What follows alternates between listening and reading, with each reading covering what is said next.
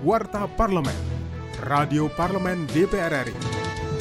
Dari Gedung DPR Senayan, Jakarta.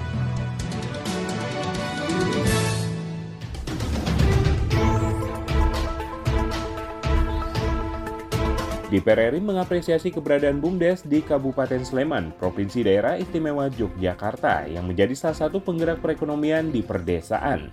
Hal tersebut disampaikan oleh Wakil Ketua Komisi 5 DPR RI, Syarif Abdullah Al-Kardi, dalam kunjungan kerja ke Yogyakarta beberapa waktu lalu. Ia berpendapat pengelolaan BUMDes sebagai penggerak ekonomi di Puri Mataram dapat dijadikan contoh untuk BUMDes-BUMDes di daerah lainnya, karena dari BUMDes ini dapat memperkuat ekonomi masyarakat.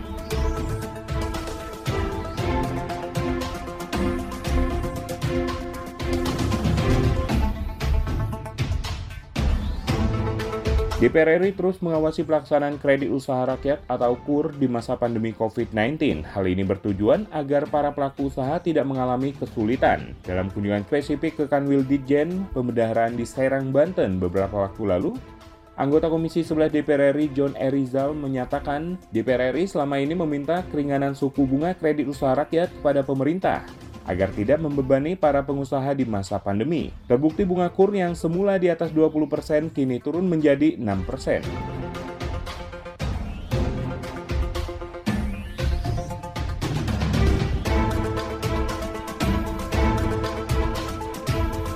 DPR RI mendorong Radio Republik Indonesia atau RRI melakukan inovasi agar tetap diminati oleh masyarakat. Usai rapat kerja dengan Direksi RRI di Komplek Parlemen Senayan, Jakarta, anggota Komisi 1 DPR RI Taufik Abdullah mengatakan RRI harus dapat beradaptasi dengan tren masyarakat saat ini agar tetap diminati. Mengingat era industri 4.0 telah mengubah kebutuhan masyarakat akan informasi dan hiburan yang instan dan cepat, sedangkan RRI memiliki modal jangkauan yang luas sehingga dapat bersaing di masa sekarang.